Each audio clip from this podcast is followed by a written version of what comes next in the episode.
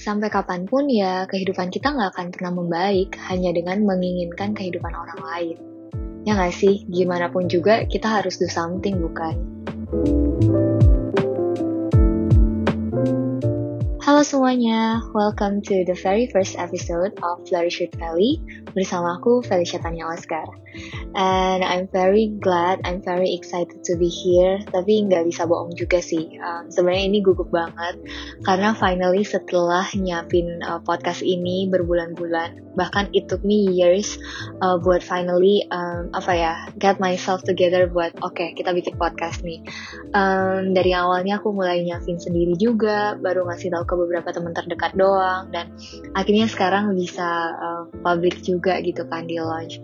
So ya yeah, I'm very excited dan aku harap kalian juga uh, excited untuk dengerin podcast ini. Dan untuk membuka uh, Flourish with Valley, di topik yang pertama ini aku akan membahas tentang living the ideal perfect life yang selama ini banyak orang um, pikir tuh aku punya, banyak orang bilang aku punya gitu kan aku akan share uh, sebenarnya gimana sih ideal perfect life itu uh, di mata orang-orang dan the real story behind it. Dan juga uh, yang terakhir aku bakal share practical things yang teman-teman bisa lakuin in order to get that ideal perfect life. Jujur sih, uh, kalau mau cerita dikit nih, uh, awalnya ini bukan menjadi topik pertama gitu. Kayak aku sama sekali nggak nggak kepikiran buat uh, share topik ini. Awalnya aku udah tulis satu topik tentang self love, tapi somehow topik ini tuh selalu muncul gitu di hati aku. Dan setelah aku gumulin aku pikir-pikirin kayak kayaknya ini um, lebih cocok sih untuk membuka dan jadi uh, episode pertama. Kenapa? Karena ini akan menceritakan sedikit um, gimana I flourish in life. Dan sebenarnya pas aku nulis ini aku sempat uh, mewek gitu. Kayak karena it's very personal to me dan apa yang aku share ini tuh belum banyak orang tahu juga. Bukan karena aku nutup-nutupin atau nggak mau cerita, tapi emang aku biasanya cerita ini cuman ke orang-orang tertentu yang emang lagi mengalami hal yang uh, mirip aja gitu. So ya, yeah, tanpa berlama-lama lagi, uh, langsung aja here's the story behind my ideal perfect life yang belum banyak orang tahu. Jadi ini diawali dari pas aku SMA sih ada satu teman aku dia datang dan tiba-tiba ngomong satu kalimat yang bikin aku tuh speechless banget. Dia ngomong kayak gila ya Vel hidup lu tuh enak banget gitu. Dan waktu itu dia bilang gitu aku nggak ngerasa dia lagi nyinyir sih. Tapi I can feel a bit of sadness waktu dia ngomong waktu itu. Dan dia lanjutin kalimat ini dengan bilang lu punya keluarga yang uh, jagain lu banget, sayang banget sama lu, apa yang lu mau kayaknya semuanya dikasih. Terus juga lu punya relationship yang orang-orang look up tuh, nilai lu bagus, guru-guru juga sayang sama lu. Um, pokoknya banyak deh yang demen sama lu, kurang apa lagi sih Val hidup lu. And I was speechless waktu itu. Kayak bener-bener speechless itu karena untuk pertama kalinya aku belajar dan aku melihat kehidupan aku di mata orang lain gitu seperti apa dan aku pikir itu cuma akan sampai situ gitu kan. Tapi ternyata uh, itu berlanjut sampai aku kuliah ada yang ngomong gitu. Sampai uh, aku udah lulus pun aku inget deh minggu lalu apa dua minggu lalu itu ada yang ngomong juga kayak gila ya Ci selama ini aku pikir kehidupan Cici itu enak banget gitu. Ada juga yang kayak akhirnya ngomong ya sih Val awal-awal masuk kuliah tuh kayak gue ngeliat kehidupan lu kayak gue pengen banget gitu punya kehidupan kayak lu. Siapa sih yang gak mau? Dan lucu. Karena uh, sebelum teman SMA aku ngomong gitu apa ya aku nggak pernah tuh secara sadar bahkan sekalipun ya aku nggak inget secara sadar aku bersyukur dengan kehidupan aku. Kenapa? Karena aku ngerasa kehidupan yang aku jalani kehidupan yang aku punya tuh ya sangat berbanding terbalik dengan dengan apa yang mereka ceritakan gitu. Um, gimana ya mungkin dimulai dari keluarga aku kali Um, jadi orang tua aku tuh udah pisah dari aku SD kelas 5 atau 6 aku lupa, tapi dari aku SD.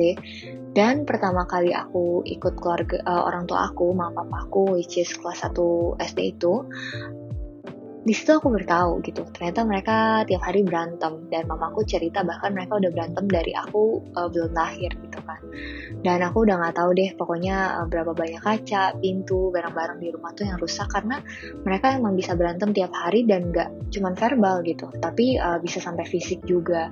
Dan aku juga udah nggak tahu berapa banyak tetangga dan orang-orang di luar sana yang ngomongin keluarga kita karena emang berantemnya bisa sedrama itu dan ini bikin aku secara nggak sadar juga apa ya kayak mulai membenci mama papa aku dan pokoknya keluarga aku dan keadaan aku gitu loh waktu itu.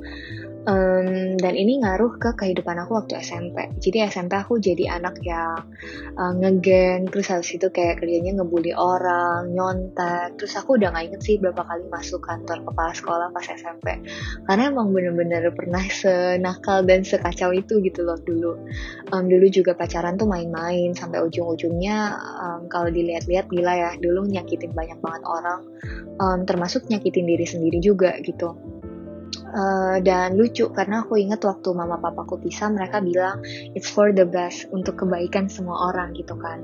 Tapi rasanya keadaan makin hari bukan makin membaik tapi yang ada tuh bikin aku makin um, gila gitu rasanya. Bahkan aku sampai di titik pernah suicidal banget. Pernah coba minum parfum coba minum obat nyamuk pernah self harm juga berusaha untuk um, menyakiti diri sendiri gitu kan dan aku cerita ini bukan karena aku bangga ya dengan apa yang aku lakukan atau mau pamer kayak aku dulu pernah sampai segini loh. No um, menurut aku itu bukan sesuatu yang bisa dibanggain tapi aku ingat banget dulu aku ada di posisi tiap hari pikiran aku tuh gimana caranya aku bisa lari dari rumah dan aku pengen bunuh diri aja gitu pak. Aku nggak udah nggak pengen hidup dan aku selalu mempertanyakan kenapa aku harus hidup gitu kan. Dan bahkan nggak bisa uh, ditutupi gitu loh sampai sekarang kalau misalnya aku overthinking dan kayak uh, dada aku jadi sesak banget. Aku masih uh, kadang kebawa gitu kebiasaan buat nyubitin lengan aku pakai kuku biar kayak rasa sakitnya tuh um, ketutupin dikit lah gitu. And I know it's not healthy tapi uh, ya bisa dilihat bahkan seorang Feli yang di mata orang-orang tuh sangat positif aku juga ada masa-masa um, tetap aja gitu bisa bisa ada di posisi se um, dark itu dan kalau ngomongin relationship gitu ya, mungkin emang sih orang-orang bilang kayak oh relationship yang aku punya tuh kayak orang-orang look up to gitu kan. Dan gak salah juga sih, mungkin dari luar kelihatannya baik-baik aja, happy-happy aja gitu kan. Tapi little did they know, I was abused uh, mentally and emotionally gitu. Dan mungkin aku juga um, me, apa ya aku juga abuse mereka kali ya dulu. Um, tapi intinya dulu aku pernah dipaksa untuk melakukan hal-hal yang aku nggak mau juga. Sampai um, bisa dibilang I lost myself trying to be loved and accepted by others gitu. Dan sebenarnya ceritanya masih banyak banget sih, tapi mungkin di episode satu kali ini aku cerita segitu dulu uh, tentang kehidupan aku di balik ideal perfect life seorang Feli dan pastinya di episode-episode selanjutnya um, aku bakal cerita uh, cerita yang lain juga. Tapi that's that's the point gitu, kayak even kehidupan yang ideal dan perfect yang orang-orang sering bilang aku punya ya banyak banget cerita di balik itu gitu loh. Dan apa sih inti dari episode kali ini? Jadi uh, yang pertama itu adalah apa ya? Aku cuma pengen bilang gitu, kalau there's no such thing uh, as an ideal perfect life di dunia ini kayak kita tuh cuman lihat apa yang terjadi di luar gitu kan. While kita masing-masing bergumul kita masing-masing punya uh, perjuangan kita gitu loh dalam kehidupan kita. Dan mungkin sekarang kalian ada di titik ngerasa gila hidup gua nggak banget gitu. Tapi mungkin di mata orang lain you're living an ideal perfect life gitu saat ini. Kayak ngerti gak sih? Karena itu yang aku rasain gitu. Kayak aku ngerasa hidup aku kacau banget.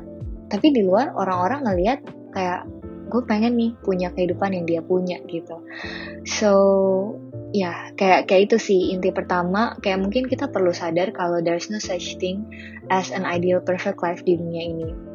Yang bisa kita lakukan adalah belajar untuk bersyukur aja dengan kehidupan yang dipercayakan ke kita saat ini gitu kan dan walaupun memang gak ada yang namanya ideal perfect life, tapi aku percaya ada cara atau jalan yang lebih baik untuk kita menjalani kehidupan kita lah.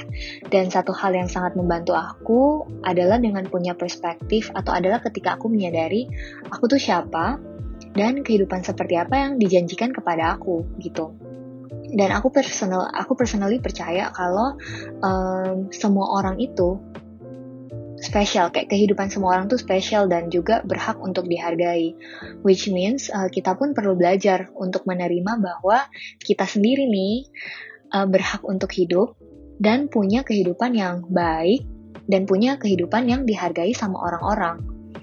Aku ngerasa kalau kita menghargai diri kita dan menikmati kehidupan kita, orang-orang juga akan mendapatkan energi itu dan pelan-pelan mereka bisa uh, melihat dan juga menghargai diri kita. Karena um, ini ini yang aku percaya ya, dengan kita treat ourselves with uh, respect and kindness, kita secara nggak sadar juga lagi nunjukin nih ke orang lain. How to treat ourselves di sini bukan berarti uh, kita harus minta-minta mereka untuk respect sama kita ya. No, uh, kita nggak perlu marah kalau mereka nggak respect sama kita. Tapi aku ngerasa kalau kita treat ourselves right, banyak orang yang juga akan mulai uh, treat diri kita dengan benar gitu. Dan note di sini aku bilang uh, banyak orang atau orang-orang ya, bukan semua orang. Karena ya pasti uh, akan ada aja orang yang nggak suka sama kita gitu kan tapi ya gitu balik lagi um, kita perlu belajar buat uh, apa ya treat diri kita dengan benar. Gimana segimana kita ngerasa ya kita layak untuk di treat dengan baik gitu. Um, jadi aku berharap mungkin teman-teman bisa tanyain lagi nih ke diri kalian. Selama ini gimana sih kalian diri treat diri kalian sendiri? Apakah kalian emang udah treat diri kalian dengan kindness dengan respect atau malah sebaliknya dan yang kedua, uh, yang pengen aku share adalah belajar untuk shift our focus ke apa yang menjadi bagian kita. Uh, bukan malah selalu berfokus pada keadaan dan ujung-ujungnya menyalahkan keadaan dan juga orang lain. Akan sangat mudah memang, akan lebih mudah dan aku pun jujur sempat ada di titik aku menyalahkan orang tua aku, aku menyalahkan eh, hubungan-hubungan masa lalu aku, menyalahkan pandemi juga gitu. Uh, dan semuanya tuh bisa disalahin kalau bisa disalah-salahin kalau kita mau. Tapi ya pertanyaannya mau sampai kapan dan apa yang akan berubah dengan kita menyalahkan keadaan?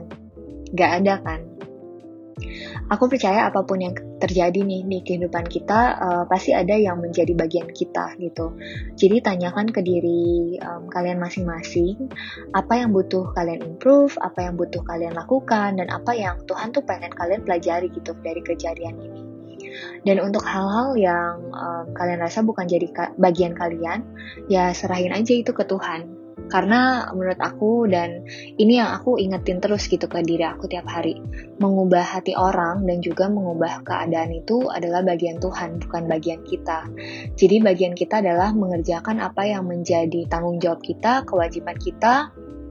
Dan ya percaya aja kalau Tuhan tuh nggak pernah tutup mata. Apa ya kayak dia tuh udah sedang dan akan selalu ada dalam setiap journey kita gitu kan. Jadi ya kuncinya percaya aja, lakukan bagian kita dan serahin ke Tuhan hal-hal yang uh, memang bukan jadi bagian kita. Dan hal yang terakhir yang pengen aku uh, share dari cerita ini adalah aku pengen kalian tuh melihat uh, sama seperti aku flourish in my own journey through every trials dan juga every pains yang uh, diizinkan untuk terjadi dari aku masih kecil. Aku percaya kamu juga akan flourish in your own in your own journey. And I believe that will happen soon gitu. Um, percaya bahwa nggak ada satupun di kehidupan di dunia ini yang terlalu hancur untuk Tuhan restore dan nggak ada satupun kehidupan di dunia ini yang terlalu kecil untuk Tuhan pakai jadi alatnya dia. Karena you see kayak bahkan seorang aku pun ya yang bukan siapa-siapa, aku yang ada di keluarga yang broken home, pernah hancur, pernah nakal banget tapi Tuhan tetap pakai gitu hidup aku buat ternyata orang-orang di luar sana belajar dari kehidupan aku. Dan bahkan Tuhan um, izinkan aku untuk flourish dan untuk grow melalui apa yang terjadi dalam kehidupan aku. And I know the same the same thing will happen to you. Kayak aku caps lock itu the same thing will happen to you.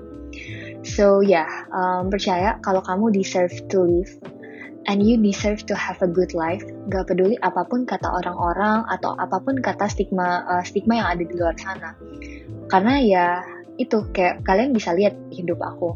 Gimana um, apa ya kayak oh anak broken home pasti hancur, pasti gini, pasti gitu. No, nggak juga gitu. We all deserve to live and we deserve to have a good life. Dan yang kedua adalah belajar untuk uh, bersyukur karena there's no such thing as an ideal perfect life. Kita nggak punya apa ya kita nggak akan punya kehidupan yang lebih baik dengan, hanya dengan menginginkan kehidupan orang lain. Tapi the moment kita belajar untuk shift our focus ke hal-hal yang bisa kita syukuri, ke hal-hal yang bisa kita lakukan, ya masalah tuh tetap akan ada. Tapi kita bisa belajar untuk menghadapi masalah kita satu persatu. So, belajar untuk bertanggung jawab dan lakukan apa yang menjadi bagian kamu juga. Dan yang terakhir adalah be kind to yourself um, and enjoy your life journey. Karena percaya one day you will flourish in your own path.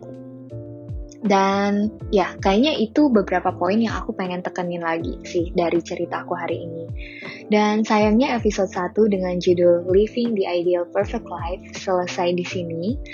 Um, kalau teman-teman ada yang dengerin sampai selesai, um, thank you so much udah luangin waktu kalian juga untuk dengerin dan untuk belajar. Aku aku benar-benar um, berharap sih ada sesuatu yang teman-teman bisa uh, dapetin, walaupun mungkin bukan uh, poin-poin yang aku share tadi. Tapi kalau teman-teman mau uh, share nih apa yang teman-teman dapetin, boleh banget share ke aku di DM Instagram atau ke story kalian. Dan uh, jangan lupa untuk tag ke at Valley dan at Oscar Felicia juga. Dan aku mau minta tolong ke teman-teman juga buat follow podcast ini di Spotify dan juga Instagram supaya teman-teman gak ketinggalan sama berita-berita baru atau informasi uh, tentang podcast ini. Oke, okay? dan yang terakhir kalau teman-teman ngerasa ada orang-orang di luar sana yang butuh untuk mendengarkan podcast ini, atau kayaknya ada yang cocok nih bakal suka nih sama podcast ini. Please uh, bagiin ke mereka juga so they can also be a part of this family and we can flourish to get together in our own journey. So once again thank you so much. I really really appreciate you. Um, mohon maaf juga kalau mungkin ada kata-kata yang um, menyakitkan atau mungkin secara nggak sengaja gitu kan. Aku menyakiti hati kalian sorry. Dan sorry juga kalau masih punya banyak kekurangan tapi I hope to see you next Monday dengan um, apa ya topik yang gak kalah seru juga harusnya. So ya yeah, bye bye